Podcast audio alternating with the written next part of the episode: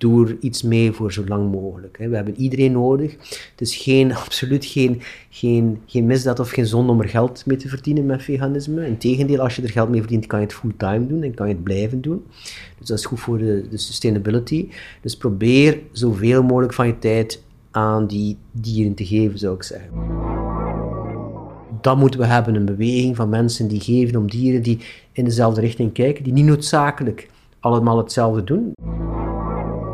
Stel je bent een varken in een kooi uh, of een kip in een kooi en uh, je kijkt naar de vegan beweging.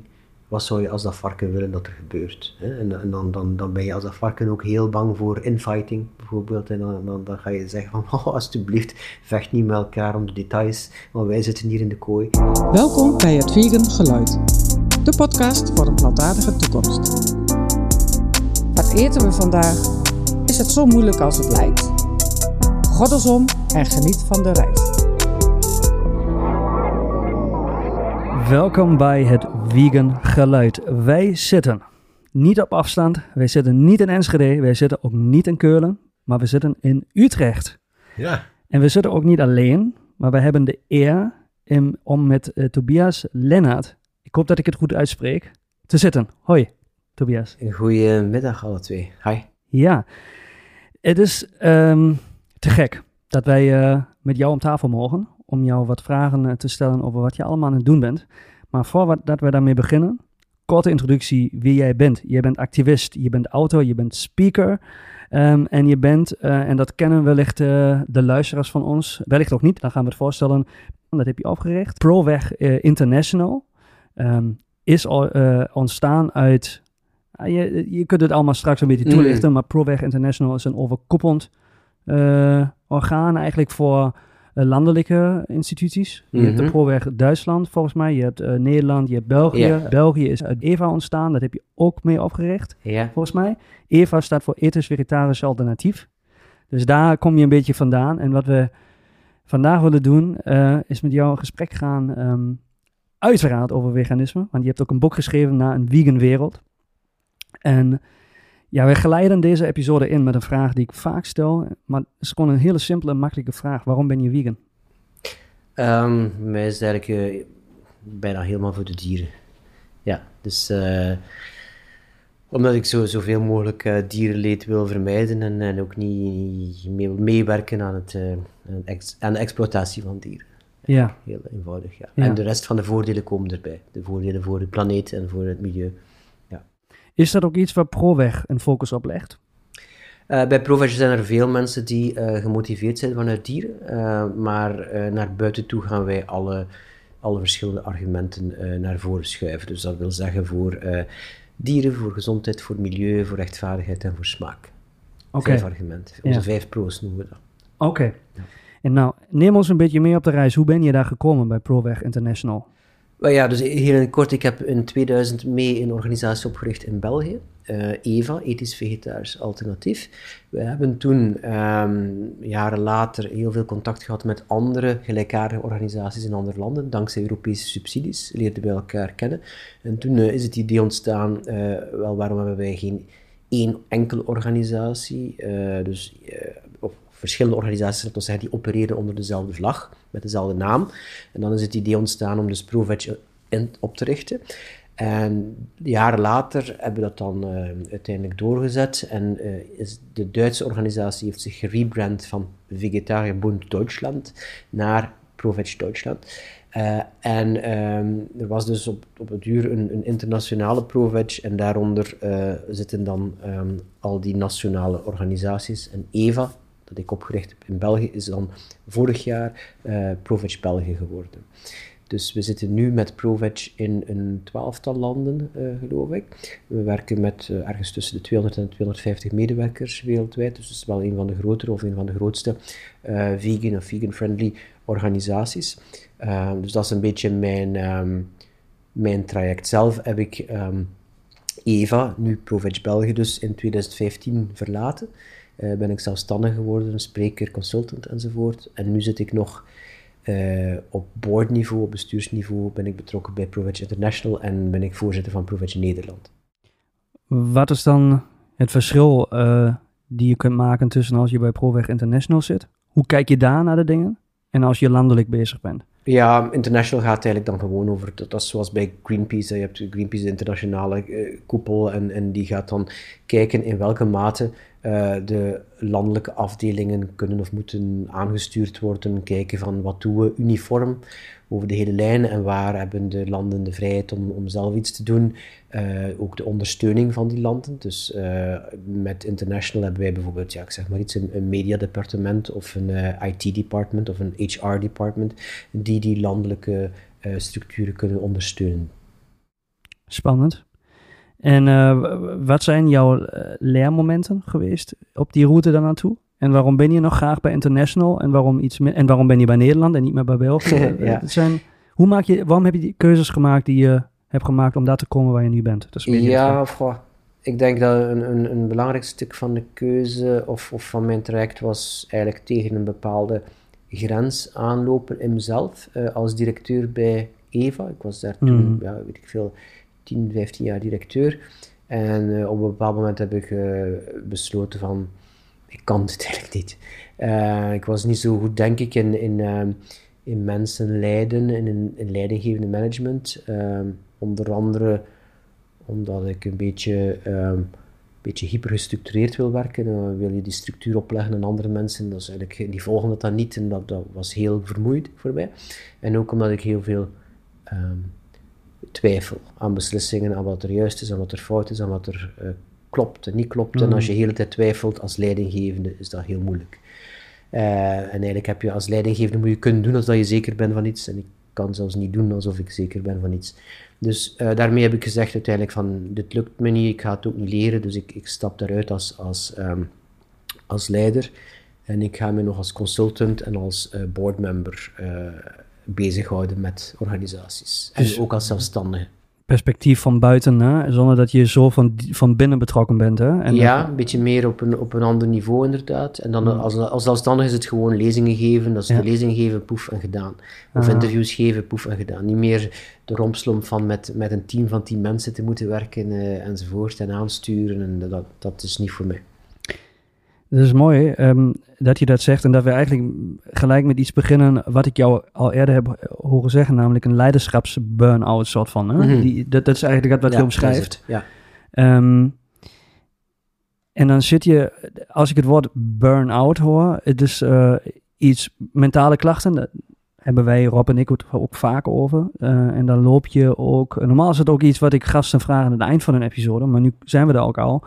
Uh, nu al. En vaak heb je toch wel ook überhaupt als veganist zijnde met uh, mentale problemen te vechten. Hè? Mm Want je hebt natuurlijk heel veel negativiteit waar je je mee bezighoudt. Mm Hoe ga je dan daarmee om? Dat is wat anders. Hè? Je hebt de luisteraarsburn je, je hebt gerealiseerd dat is niet de functie waar je je gemakkelijk op voelt. Je zoekt dus een andere weg om je kwaliteiten in de wereld te brengen. Mm maar hoe ga je dan met de, met de veganistische kant om en de, de donkere kant van veganisme, zeg maar? Ja, ja. Ja, ik, gaf uh, gisteren nog een lezing over dit onderwerp. Uh, die lezing heet uh, Animal Activism Between Despair and Hope.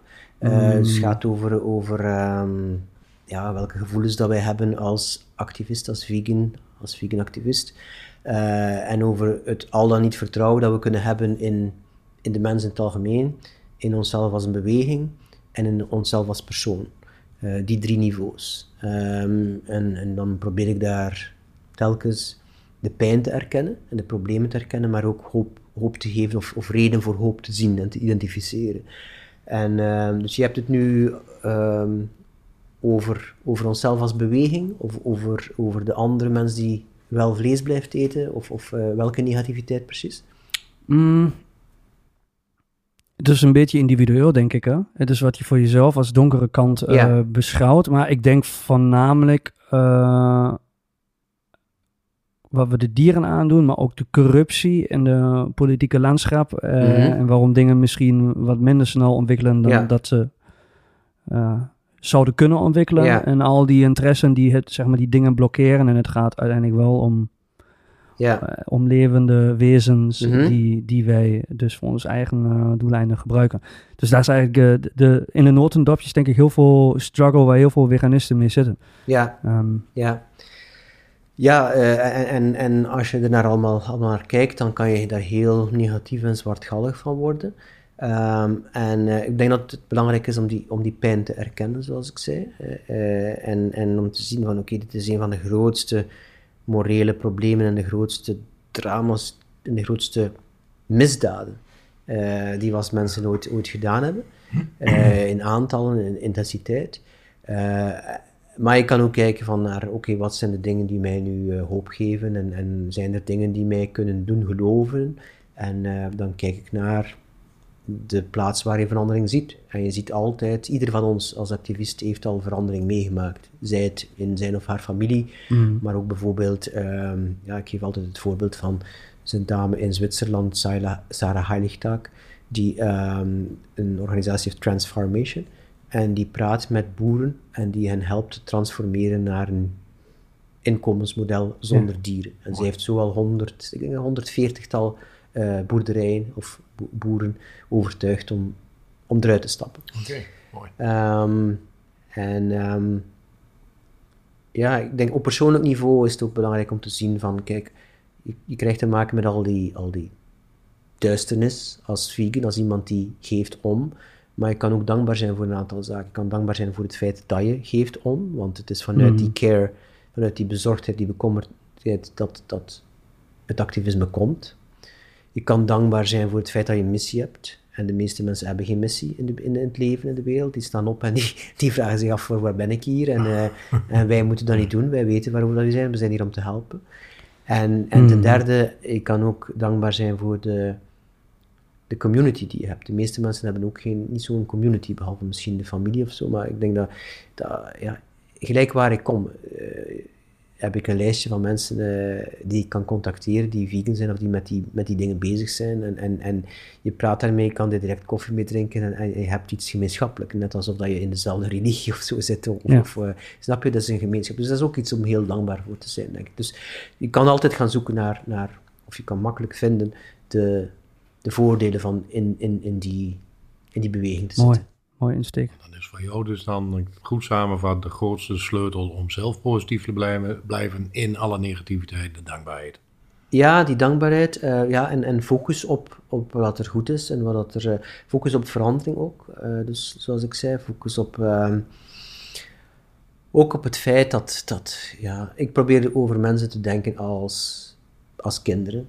Als kinderen die in evolutie zijn. Dus onszelf ook, wij zelf ook, hè, mensen die um, uh, onderweg zijn, die leren, die uh, volwassen worden als soort en die nog heel primitieve dingen doen en waarbij ik hoop dat ze beter zullen worden. Even een stukje terug, want ik wou niet onderbreken in en de mooie vraag en het mooie antwoord. Um, maar de weg naar veganisme toe, je bent nu helemaal 100% veganist. Mm -hmm. daar was je niet. wat is voor jou de, het keerpunt geweest? Dat je dacht van nou, dit, dit kan niet meer. Ik wil niet meer vegetarisch zijn, maar ik moet nu veganist. Tussen vegetariër en veganist? Um, ja. ja, ik denk dat ik... Dus het was altijd voor de dieren. En ik heb van in het begin eigenlijk gezien van... Uh, Oké, ik word hier vegetariër, maar ik zag al meteen de bui hangen. En ik zag al meteen van shit, ooit moet ik met die andere dingen ook stoppen, want het is eigenlijk mhm. hetzelfde verhaal. Ja. En ik, ik wou dat niet, want ik dacht van dat gaat te ver gaan, dat gaat allemaal te moeilijk worden. Dit is 25 jaar geleden. Uh, dus het was toen veel moeilijker dan nu. ja. Um, en uh, ja, maar ik wou het toch doen. En samen met een vriend heb ik dan een, um, een oude documentaire bekeken van de Vegan Society. Dat was met Benjamin Zefania, een, een, een vegan dichter die toevallig vorige week denk ik gestorven is. Uh, en, um, en toen hebben we hebben we besloten van kom, we gaan vegan worden. En toen hebben we het een maand volgehouden en dan zijn we hervallen naar vegetariër. okay. Lukte niet. Er was ook er was één vegan kookboek in het Nederlands. Dat was van Ben Klok, de veganistische keuken. Had geen ja. prentjes. En we hebben er een bananentaart uitgemaakt en die was niet te eten.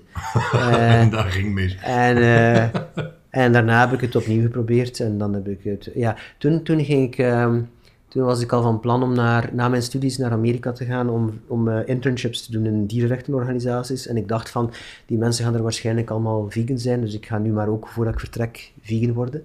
Uh, mm -hmm. en, uh, en dan ben ik dan gebleven, dat was in 98. En was het voor jou niet, want dat is wat wij het meest horen en, en iedere veganist om zich heen het meest hoort, dat blokje kaas. Was het, moeilijkste was, ga niet zo, of ik was toevallig, ja, ik, had, ik was geen kaaseter, dus ik ben wel wat kaas beginnen eten toen ik vegetariër werd, omdat ik dacht van nu moet ik om voedingsstoffen binnen te krijgen, moet ik kaas eten. Maar het was niet super moeilijk voor mij om te, om te stoppen, misschien eerder, eerder gebak. Zo van dat soort zoetigheden, dat soort van chocomousse. Mm ja, maar zoveel moeite heb ik eigenlijk niet meer gehad de tweede keer. Toen ik dacht van, uh, ja, dus ik ben toen uh, naar de Verenigde Staten geweest een half jaar vrijwilligerswerk en daar heb ik alleen maar vegans gezien. Uh, en tegen dat ik terugkwam was dat echt geen probleem meer. Ja. Dat is, dat is mooi en ook voor de luisteraar denk ik mooi om te horen voor iedereen die denkt dat het hartstikke moeilijk is, want dat valt over het algemeen best nog wel mee, maar je moet even het drempeltje over. Uh, en dan een, een, vervolgvraag die ik eigenlijk nu in het begin van deze podcast even uh, moet stellen, ook haast. Ehm, want dan kunnen we dan de rest van de podcast nog even over nadenken. je, zit zelf, je geeft zelf heel veel lezingen. Gisteren een lezing gehad en ik heb op, op televisie, YouTube, meerdere lezingen van je gezien, boekbesprekingen van je gezien. Um, en dan komen in die lezingen, ongeacht doen wij dat ook hier toch iedere keer weer diezelfde vragen voorbij. En dat is ook logisch, want je bent iemand die het over een heel belangrijk thema heeft. Um, mijn, onze vraag aan jou, um, want je zit hier nu. Wat zou voor jou voor deze podcast nu winst zijn uh, waarvan jij zegt van uh, dat wil ik iedereen in deze podcast even meegeven. Dat is iets wat ik, dat is of mijn, mijn hot topic in iedere lezing. Of uh, iets waarvan je zegt van nou, dat, dat moet je zeker in deze podcast even voorbij laten komen. Of iets wat misschien wel nooit gevraagd wordt aan jou. Ja, ja er zijn verschillende dingen. Aangenomen dat er vooral vegans luisteren. Um, zou ik zeggen van kijk, dat zijn mensen die al gemotiveerd zijn. Ik moet ze niet mm -hmm. meer nee. overtuigen van vegan te worden. Zou ik zeggen, punt 1 als ik twee puntjes mag zeggen. Punt 1. Je mag er wel drie um, zeggen. Als je kan, als je nu toch al geeft om die dieren en vegan bent, uh, neem dit onderwerp heel erg serieus. Besef dat, en je beseft dat waarschijnlijk al, maar dat het probleem gigantisch is en dat het al onze aandacht en al onze inspanning verdient. En als je kan, als je in de gelegenheid bent, als je daarover gemotiveerd bent, maak er je carrière van doe, doe er iets mee voor zo lang mogelijk. We hebben iedereen nodig.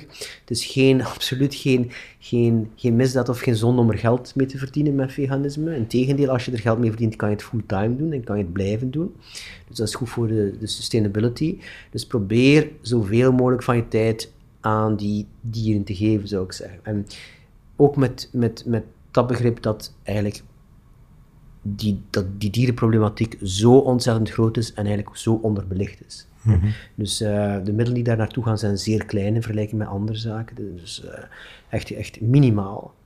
Als je kijkt naar de miljarden dieren die we uitbuiten, die krijgen, die krijgen minder dan, dan, dan, dan, dan 0,1% van de, van de donaties, van de middelen. Ehm, dus dat is, dat is één belangrijk punt. Kijk wat je kan doen om daar een carrière in op te bouwen en zoveel mogelijk impact te hebben. En twee, als je daar niet mee bezig kan zijn, om een of andere reden, en voor veel mensen is dat niet zo makkelijk, en het is ook mm -hmm. niet zo mhm. makkelijk, het is makkelijker om geld te verdienen met zeep te verkopen dan met, met iets goed te doen in de wereld. Um, als dat niet lukt, um, en als je gewoon activist bent, of gewoon, laten we zeggen, civilian vegan, um, dan, dan zou ik zeggen van, help met die groep groter te maken. En probeer niet de gatekeeper te zijn uh, van veganisme die zegt van jij mag er niet bij omdat je niet zuiver genoeg bent en jij mag er niet bij want je rijdt nog een paard en jij mag er niet bij want je draagt mm -hmm. nog leren schoenen. Nee, als we zo, ik zeg altijd van we kunnen de, de prijs van het lidmaatschap zo hoog stellen dat niemand kan, dat niemand meer kan joinen. Nee, uh, dus we moeten, die, we moeten dat lidmaatschap omlaag trekken. Mm -hmm. En we moeten zorgen dat we een heel grote beweging hebben. En ik vind bijvoorbeeld, ja, waar ik voor sprak gisteren, de Partij voor de Dieren, vind ik een mooi voorbeeld van een van een groot, uh, grote mobilisatie. Die mensen zijn niet allemaal vegan, die mensen die daarbij aangesloten zijn, maar het is een succesvolle beweging die, die tot, tot op elk niveau uh, politieke vertegenwoordiging heeft. Dus dat is fantastisch. Uh, dus, dus dat moeten we hebben, een beweging van mensen die geven om dieren die in dezelfde richting kijken, die niet noodzakelijk allemaal hetzelfde doen. De Vegan Society, destijds in 1944, is opgericht met het idee van iedereen mag erbij, hoe li- gelijk hoe dat je eet, hoe dat je Mhm. eet eh, als je gewoon akkoord bent met de richting. En dan zouden we kunnen zeggen vandaag, hè, van, nou, wie is er akkoord met de richting? Misschien ben je niet veganist, maar je, misschien ben je wel akkoord met het feit van we willen naar een toekomst waar dat er geen dieren uitgebuit worden. Eh, en dat is, dat is volgens mij genoeg om te zeggen van je bent deel van, van het team eh, en je kan helpen. Ja, en, en laat ons absoluut niet denken dat alleen maar de vegans de dieren mogen helpen.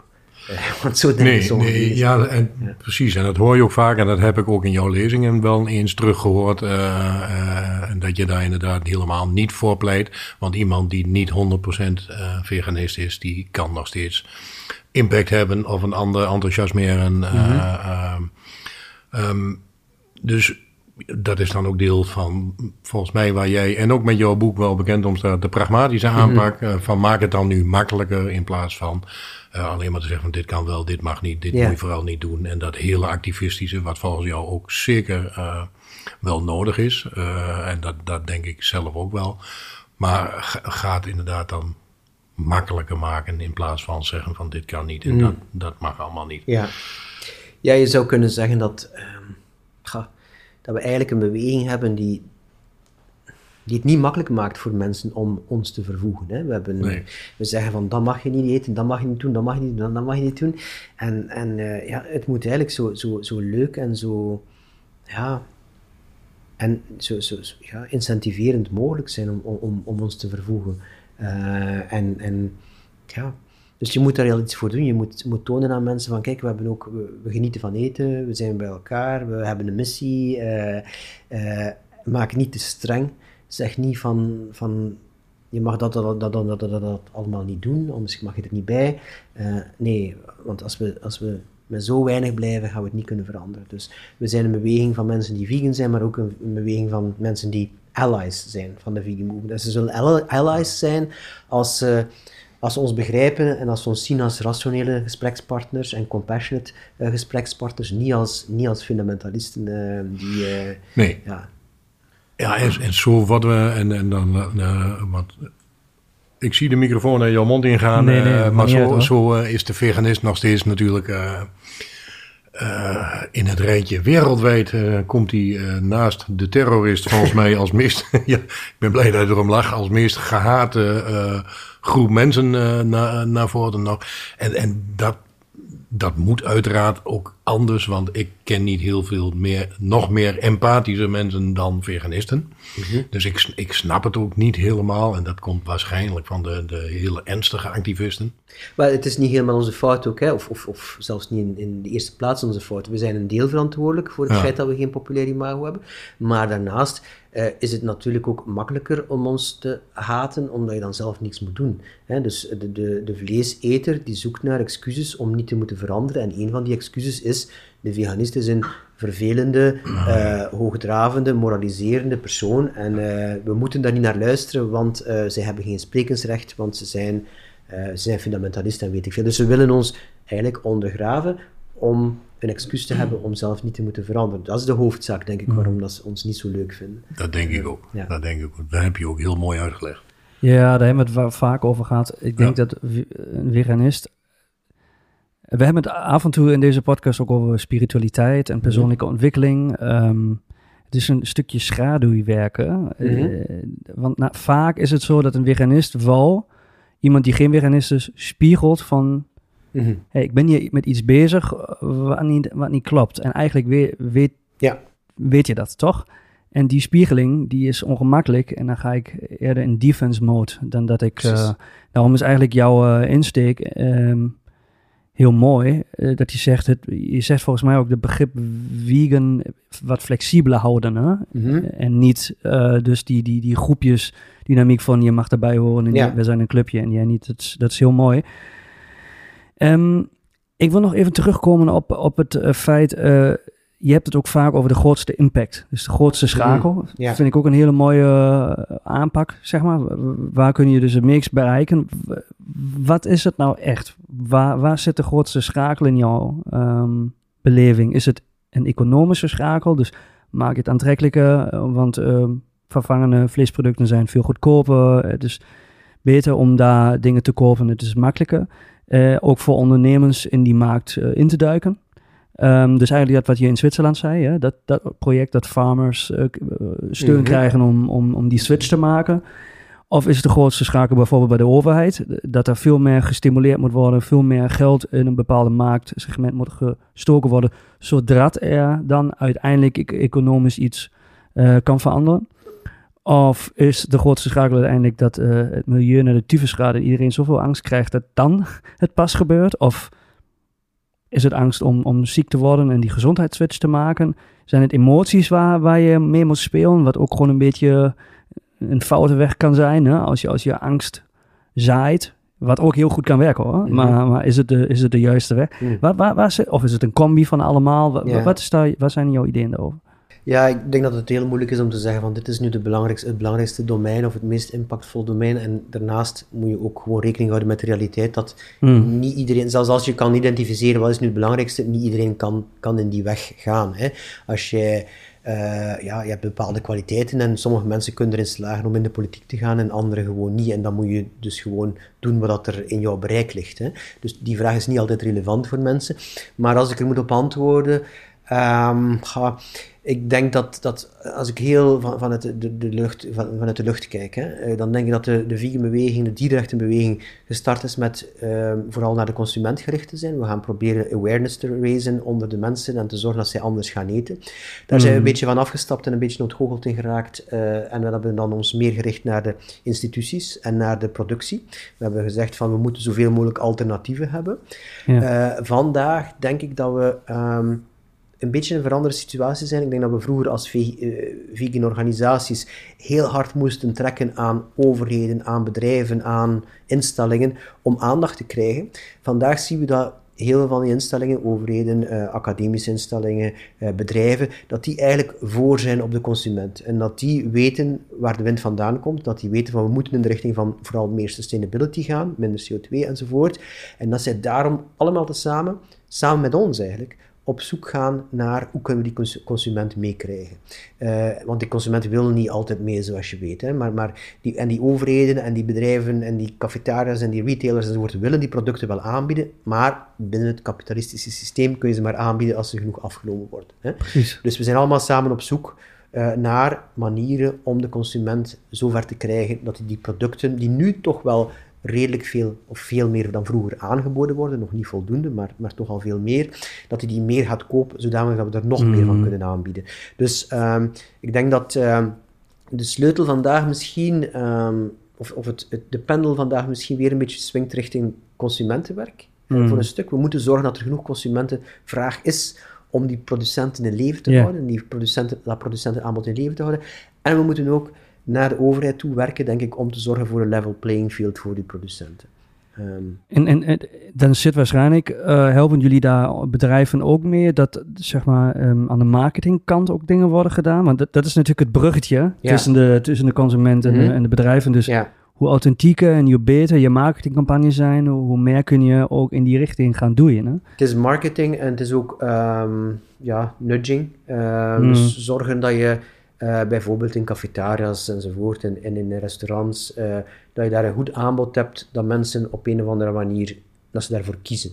Ehm, en dat wil zeggen kwaliteit en prijs en ehm, aanbod in, in termen van hoeveelheid. Ja, Als je maar één vegan gerecht tussen 15 vleesgerechten hebt, ja, dan gaat je afname niet zo groot zijn. Ja. Eh, hoe communiceer je dat? Er zijn nog altijd heel veel restaurants enzovoort die het niet zo goed communiceren, die zo in heel grote letters vegan zetten en, en dat stoot nog altijd veel mensen, meer mensen af dan dat het aantrekt.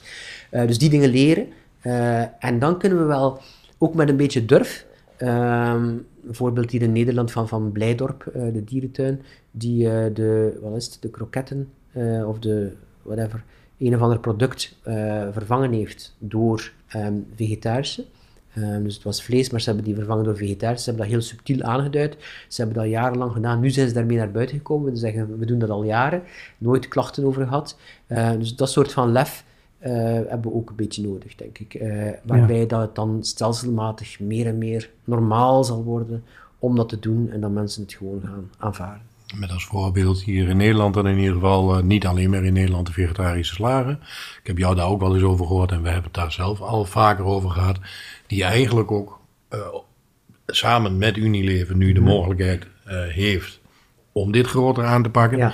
Maar dat is dan denk ik, als ik jou samenvat, ook een van de mooiste voorbeelden hoe het dan kan en hoe we ook dat marktaandeel en, en ook dat grote geld wat er bijvoorbeeld bij een Unilever achter Ja. zit, kunnen gebruiken om dit voor de consument dan uiteindelijk makkelijker te maken. Ja, precies. Eh, en, en veel vegans zouden zeggen van eh, de, de vegetarische slager heeft, eh, heeft zichzelf verkocht. En, eh, ze hebben zichzelf letterlijk verkocht natuurlijk, maar, Ja. maar figuurlijk en zichzelf verraden en eh, er er sell-outs.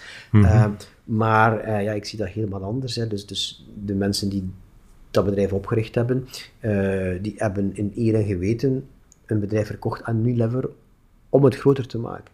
En Unilever kan zorgen dat die producten in alle landen liggen waar dat zij verkopen. En zij verkopen in ehm, 192 van de 193 landen ter wereld. Ja. En eh, zij kunnen een marketingmachine daartegen zetten, zij kunnen beter R&D doen, zij kunnen ehm, zorgen dat, bijvoorbeeld ja, de vegetarische slager is de burger in Burger King, de vegetarische burger in Burger King is van de vegetarische slager.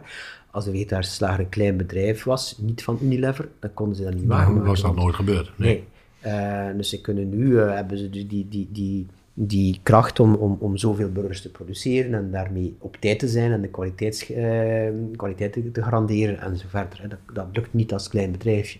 Dus ja, je kan tegen grote bedrijven zijn enzovoort en tegen multinationals, maar we hebben die, eh, we hebben die ook nodig. Eh, ik kan, kan niet zonder. Heel hard blijkt dan nu ook, want de snelheid waarmee de vegetarische slager nu als voorbeeld eh, eh, daarbij te blijven gaat, is, is enorm. En dat is wel, iedereen kent die naam inmiddels ook. Ja. En ja, in het begin dacht ook bijna iedereen van, nou ja, je verkoopt je ziel aan, eh, aan de duivel eh, Ja. met, de, met het Unilever daarachter. Maar is niet meer weg te denken. In, in al die landen al niet. En dan zie je dus dat het impact daardoor eh, veel groter kan worden. Ja. Ja. En dat is ook wat jij zelf iedere keer zegt met eh, dat pragmatische denken van jou in plaats van de, de dogmatische eh, aanpak. Ja. eh, is dan veel beter. Is, Kijken naar de resultaten in plaats van naar de regeltjes. ja, Kijken naar wat bereiken we in plaats van naar wat zegt onze orthodoxie of onze ideologie over hoe we het mogen doen en niet mogen doen. ja, we mogen, moeten niet over lijken stappen, maar we moeten wel dingen doen die, ehm, die het meeste effect hebben volgens mij. En ehm, ja, ehm, daarbij moeten we niet te veel belang hechten aan wat gaan andere vegans zeggen, of wat zegt de vegan filosofie daarvan, of eh, de vegan Precies. theorie. Eh, we kijken naar wat er, wat er echt werkt. En, en, en, en eigenlijk kan je altijd een beetje de test doen van, stel je bent een varken in een kooi, eh, of een kip in een kooi, en eh, je kijkt naar de vegan beweging, wat zou je als dat varken willen dat er gebeurt? Hè? En, en dan, dan, dan ben je als dat varken ook heel bang voor infighting, bijvoorbeeld. En dan, dan, dan ga je zeggen van, oh, alsjeblieft, vecht niet met elkaar om de details, want wij zitten hier in de kooi. Ja. Eh, het Vanuit die optiek kan je makkelijk kooitje zien maar van, over, ja. van ehm, ja. Heel mooi, ja. Je, je hebt, je wer, of als ik naar interviews van jou luister, dan is het ook gewoon dat je vaak met eh, metaphors eh, werkt. Dat vind ik ook heel mooi. Volgens mij heb je een keer gezegd, en daarom wil ik hem graag herhalen. eh, als je een steek aangeboden krijgt als veganist eh, en iemand zegt van 10.000 euro, Ja. eet je het dan wel op? Mhm. Eh, dan doe je dat waarschijnlijk wel, want dan kun je met die 10.000 euro wel heel andere Ja. dingen in beweging zetten. Hè? En dat is eigenlijk wel ja. een, een heel pragmatische inzet wat ja, dat dus betreft. het is een beetje een gedachtenexperiment om, om, om het onderscheid te maken tussen volg je de regeltjes of volg je het effect. ja. Ja, en, en sommige En mensen dat regeltjes, regeltjes vind ik moeilijk. Het zijn op, zelf opgelegde regeltjes. Ja, ja, het zijn de regels van de gemeenschap, van de vegan community. Hè? Ja. En mensen kunnen dan zeggen van, ja, maar als je die steak eet, dan voor dat geld, dan ben je niet consistent, dan ben je hypocriet. En ik zou dan Mhm. zeggen, nee, ik ben consistent met wat ik wil. En wat ik wil is Ja. minder dierenleed en, en minder exploitatie voor dieren. En als ik die steak eet en ik kan daarmee 10.000 euro aan een organisatie geven, of 100.000, die kan Ja. daarmee mee helpen, dan ben ik consistent met mijn Ja. eigen eh, uitkomst. Ik vind het eh, mooi, je kunt het ook heel klein maken. Hè? Stel voor je zit met je vriendenkring, ga je uit eten. Eh, en stel voor je bent meer introverteerd eh, en eh, je in, in een groepsdynamiek, ehm, ja, bestel je toch wel dat ene, ene stukje met een melkproduct bij in toch wel mee, om, om, om niet, omdat Mhm. het beter voelt. En dan kun je makkelijker in de gesprekken deelnemen, want je hebt geen zin in de confrontatie. Dat kan een, een weg zijn waardoor je dan uiteindelijk in die hele avond weer op hele andere topics komt over veganisme, een hele andere manier kunt benaderen, want je hebt die confrontatie van tevoren niet gehad. Zo iemand als, nou ja, ik zou zeggen, Rob en ik staan er, eh, zijn er wat meer extroverteerd. Ik vind het bijvoorbeeld heel leuk om Mhm. aan te geven van hier zit een grens. Ja. Ja. dan eet ik maar niks. Dan ga ik in de fasting mode. Ja. Scheid, scheid uit, weet je. En ehm, dat is dan mijn manier om in, in, eh, maar dan op een positieve manier ook in de discussie te gaan. Hè? Ja. Van, ja, maar dan ga ik vasten. Ja. Eh, ah, hoezo? Ah, dan eet je niks. En ah, dat is wel consequent, maar hoezo doe je? Ja, en dan is dat de manier Ja. om, om communicatie te beginnen.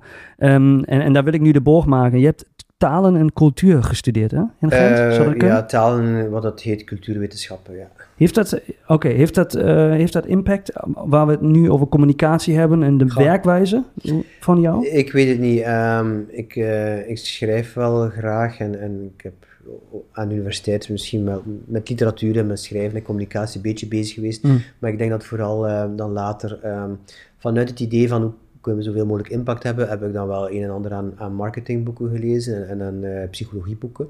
Ja. Eh, en dan, eh, ja, de, de, de, de, grootste les daarbij is eigenlijk gewoon van, ehm, ja, ik, noem, ik vat het altijd samen als you are not your audience.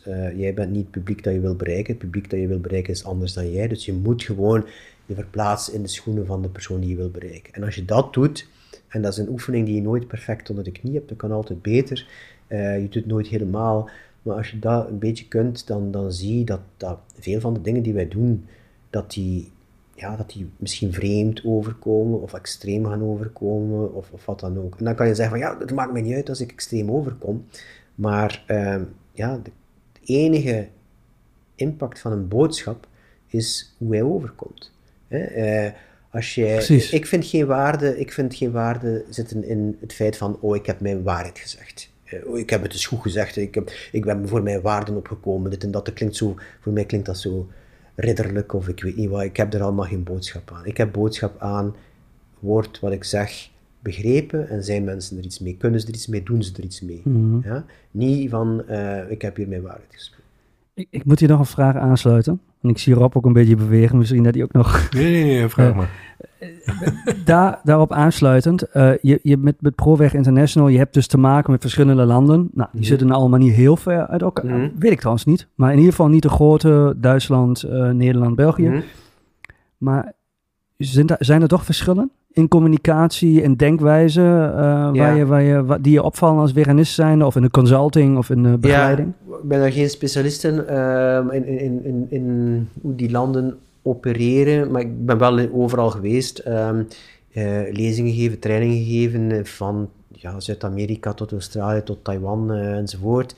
Ehm, en ja, er zijn natuurlijk verschillen. Ik zeg maar iets, ehm, zeg maar iets in Taiwan bijvoorbeeld, ehm, is, is vegetarisme of veganisme een beetje spiritueel geladen. En dat wil dan zeggen dat mensen die daar niet zo mee bezig zijn, daar gaan naar kijken als oei, dat is iets voor de religieuze mensen en daar doen wij niet aan mee. Ik zeg maar, dat is een cultuurverschil waar je Mhm. rekening mee kan houden.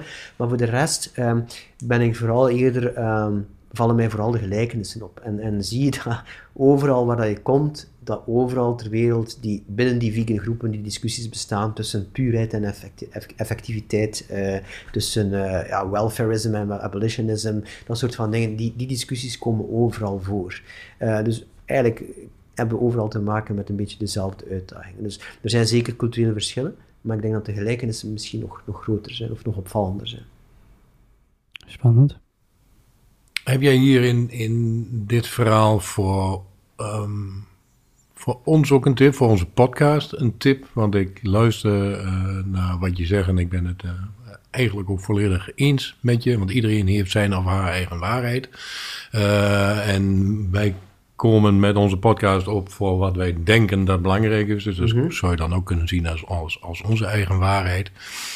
Ehm, heb jij voor onze podcast nog een, een de gouden tip vragen we eigenlijk altijd aan iedereen. Wat is nu de gouden tip om iedereen veganist te maken? Nou, ik weet dat dat een te moeilijke eh, vraag voor een, een makkelijk antwoord is. Ehm, heb jij, om het iets kleiner te maken voor onze podcast, nog een goede tip voor ons? eh, waarvan jij zegt van, nou hey, jongens, als jullie dat nou zouden doen, dan bereiken we nog makkelijker of een nog grotere groep. Ehm, want wij hebben nu een beetje de mix van activistisch hier en daar. En uh, ook de, de spirituele en de, bewust, de echte bewustzijnskant uh, proberen we allemaal wel aan te stippen. Mm -hmm.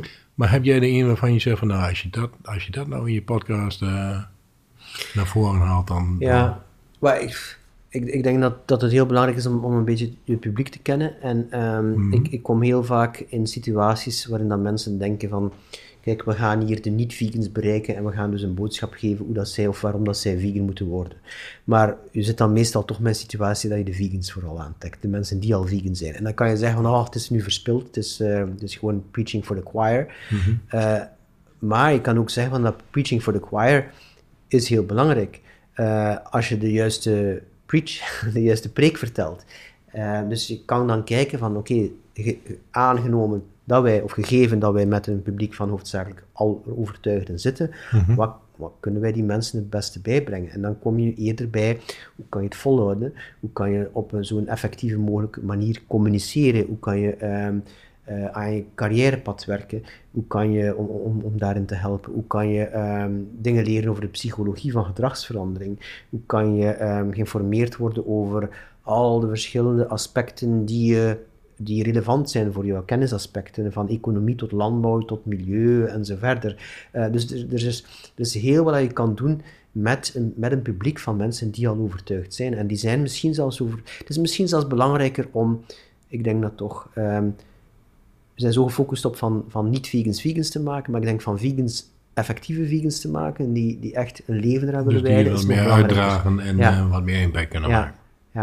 Het is mogelijk impactvoller dan, dan van een, een vleeseter een vegan maken. Want ik denk dat de, de ware impact niet zit in je eigen consumptie, in wat je eet, maar in wat je doet.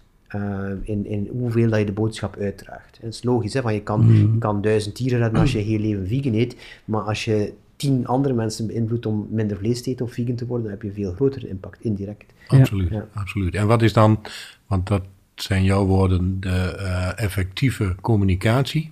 Uh, zweeft hij dan ergens tussen activisme en, en, en juist heel weinig doen in? Of um, wat is het meest effectief? Wel, wel, als communicatie is één ding, hè, uh, maar bijvoorbeeld uh, ja, activisme kun je zeggen van is, is iets heel ruim. Hè. Je kan in, mm -hmm. de, in, de, in de business zitten, je kan binnen een bedrijf dat niks met veganisme te maken heeft, zorgen voor een, duurzamere policy uh, waarbij dat er um, minder vlees gegeten wordt op universiteit of wat dan ook. Je kan uh, gewoon in het algemeen met voedsel werken, je kan caterer zijn, je kan een blogger zijn, een, een kookblogger zijn, uh, je, kan, een, je kan op zoveel manieren um, in de contexten waar je komt, kan je impact maken door de juiste mensen te, te beïnvloeden. En niet iedereen heeft die kans. Als je zo geen kansen hebt, kan je bijvoorbeeld ook uh, ja, in, een, in een cube gaan staan of zo en, uh, en mensen in de straten aanspreken, mm -hmm. dat soort van zaken. Kan ook allemaal. Uh, kan flyers uitdelen, je kan reviews overal achterlaten en brieven sturen. En, er zijn altijd manieren om, om impact te hebben en die zal ver voorbij de impact gaan die je hebt met het aantal dieren dat je uitspart doordat je geen vlees of, of dierlijke producten eet. Dat denk ik ook.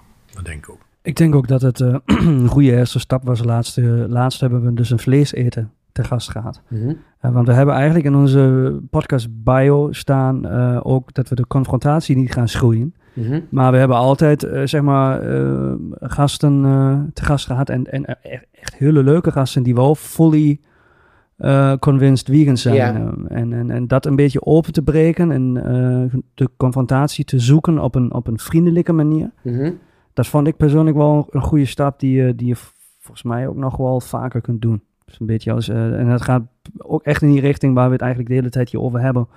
Uh, het uh, begrip veganisme, vegan, wat flexibeler maken. Mm -hmm. Ja, of, of appreciëren dat verschillende mensen het op een verschillende manier invullen. Um, ja. Ja, ja, spannend. Zodat, zoals jij zelf zegt, de motivatie niet meer zo groot hoeft te zijn voor mensen die Ja. nog niet zo ver zijn. Wel, dus dat moeten we makkelijker maken. Ja, dus, dus hoe, hoe beter, hoe meer beschikbaar, hoe goedkoper, hoe Mm. lekkerder dat de alternatieven zijn, hoe minder dat de vereiste eh, effort wordt. Hè? Hoe, minder dat je, hoe minder motivatie dat je nodig hebt, hoe minder Hoe inspanning dat je moet maken. is. Ja. Ja, en we, we kunnen gewoon, het is nu eenmaal zo dat de meeste mensen niet zo'n grote inspanningen willen maken. Hè? En je kan altijd kijken naar jezelf, waar doe je eh, waar stel je gedrag dat eigenlijk niet ideaal is. Gedrag waarvan dat je weet van dit is eigenlijk niet, niet het beste. Bijvoorbeeld, ja, niet al mijn kleren zijn hier fair trade of, of wat dan ook. en, en ja, ik zou het sneller doen als, het, als, het, als er om de hoek eh, een winkel zou zijn uh, enzovoort. Ja. Denk je, denk je, nog één vraag over de podcast, want het is heel uh, interessant om jou, jouw feedback daarop te hebben. Denk je dat, dat, dat we meer naar voren moeten stellen dat twee generaties over veganisme het hebben? Denk je dat dat belangrijk is? Jullie twee? Mm -hmm. Uh, Als voorbeeld ja, van. dat kun je natuurlijk zo aan de buitenkant niet zien, maar Nee, ik ben nee, echt nee, een nee. heel stuk ouder. Ah, ja, ja. Eh, Ja, het, is, Dat is wel ja. een goede vraag van jou, jullie twee. Ik Ja. had er nog niet zo over nagedacht. Ehm maar het kan interessant zijn om eens een, een aflevering eraan te wijten, eh, eh, of te wijden, eh, en te kijken van wat nu de verschillen zijn in, in percepties. Ik, ik, ik zeg altijd van, ik ben nu 50, een van de voordelen daarvan, ik zie niet zoveel voordelen aan ouder worden, maar een van de voordelen is dat je verder kan uitzoomen en van verder kan terugkijken en makkelijker kan zien van wat is er al allemaal veranderd. Hè. Ja. Eh, 25 jaar geleden, toen ik begon, eh, ja, was de situatie helemaal anders eh, dan, dan, dan nu vandaag. Dus is zoveel verbeterd. Ja. Nog, lang niet snel genoeg en niet genoeg. Maar ehm, ja, misschien gaan de dingen gewoon wat trager dan dat je zou verwachten. En Zeker trager dan je zou hopen. Ja. ja, ik vraag dat omdat je vaak toch al meekrijgt dat binnen de familie toch altijd discussiepunten zijn tussen twee generaties. Hè? Of het nou heel jonge kinderen zijn met de ouders, of, of eh, ehm, was het, eh, Lenneke was laatst bij ons eh, in de podcast van Gaal. En ehm, eh, die heeft dus ook met haar ouders in een, een, een traject samen doorlopen. En die zijn ook nu, zeg maar, plantaardig Mhm. Onderweg. En dat is, het, is, het blijft toch een topic binnen de familie en Ja. tussen generaties. Dus, dus eh, ja, vandaar, dat die, vandaar komt die vraag. Ja, ja eh, ehm, ik vind dat er soms... Ik begrijp de, ja, ik begrijp de focus op de familie en op de, de, de, de mensen die dichtst bij jou wonen, ehm, of zijn of leven. En ehm, dan is het heel vervelend als die mensen je waarde niet delen. Dan ga je daar heel veel in invest- investeren om die mensen te proberen veranderen. Ik begrijp dat helemaal. Maar vanuit een effectiviteitsstandpunt is het natuurlijk niet, niet hetgeen dat het meest gaat opleveren. Hè. Ja. Ehm, ik denk dat je veel beter kunt, kunt proberen babbelen met ehm, de zaakvoerder van een, van een restaurant dan met je eigen partner, bij wijze van spreken. Ook al begrijp ik natuurlijk voor, de, Ja, voor het comfort en, en, en, en de relatie dat het heel belangrijk is. ja, ja, ja. Zeker. Ja. Groot, grootste impact. Ik moet nog één vraag stellen. Ja, je die, kunt- die, die, die, heel, die heel graag, maar die gaat een andere kant op. Ehm, hoe kijk je, eh, in het begin had je het over digitaliteit, ook heel eventjes had je dat aangestipt. Hoe kijk je naar eh, AI en al die ontwikkelingen? Kunnen die ons helpen op de, op de weg richting eh, naar een vegan wereld? Ja, Of werkt het juist tegen? Of hoe, hoe kijk je daarnaar? ja, geen specialist, maar ehm, ja, ik denk dat, dat, dat eh, het enige dat je erover kan zeggen is dat het alle kanten op gaat. Het enige dat je met zekerheid kan zeggen is dat er geen zekerheid daarover is en dat het eh, ons kan Hmm. helpen en ons geweldig kan schaden. Hè. Ehm, als, als, ik, als ik nu al ja, op, op gewoon een, een zeer praktisch niveau kijk, zie ik dat, dat onze organisaties op zich al geholpen zijn met AI, met de, met de image generators en, en de text generators met ChatGPT enzovoort, dat ze die kunnen gebruiken in de context van de werking. Maar natuurlijk, de vleesindustrie heeft die tools ook. Eh, dus dus eh, daar is het een beetje ja, eh, gewoon versterken van, van, van iedereen. Ehm, ik denk dat er mogelijk ehm, ja, nieuwe dingen kunnen uitgevonden worden door AI die zowel schadelijk als zeer positief kunnen zijn. Ik geloof dat er juist ehm, een artikel had ik gelezen in het nieuws dat AI voorspelde dat in 2075 de wereld vegan ging zijn trouwens. Eh, ja, dus op basis van verschillende gegevens, dat was de voorspelling die eruit kwam. Eh, moeilijk, heel moeilijk te zeggen, maar ehm, ja, ehm, het, het, het, ja het, het, uiteindelijk gaan, zeker voorlopig, daar de waarden uitkomen die wij erin stoppen. Ehm, en dat is natuurlijk op zich niet zo goed nieuws, want de waarden van ons als maatschappij in het algemeen zijn antropocentrisch en, en specialistisch enzovoort. Zeker. Ehm, dus ja, we, kunnen maar hopen dat hij dan een, een eigen, ehm, een betere logica ontwikkelt dan, dan die gebrekkige menselijke logica, die heel erg biased is. Mm. Mm. Is, is er dan eh, in jouw beleving los van AI, want die heeft het dan nu voorspeld. Ehm, en op weg naar Veganville, zoals jij zelf in jouw boek uh, beschrijft. Uh, en voor iedereen, alle luisteraars die zijn boek nog niet kennen of niet hebben gekocht of niet hebben gelezen, doe dat ook vooral.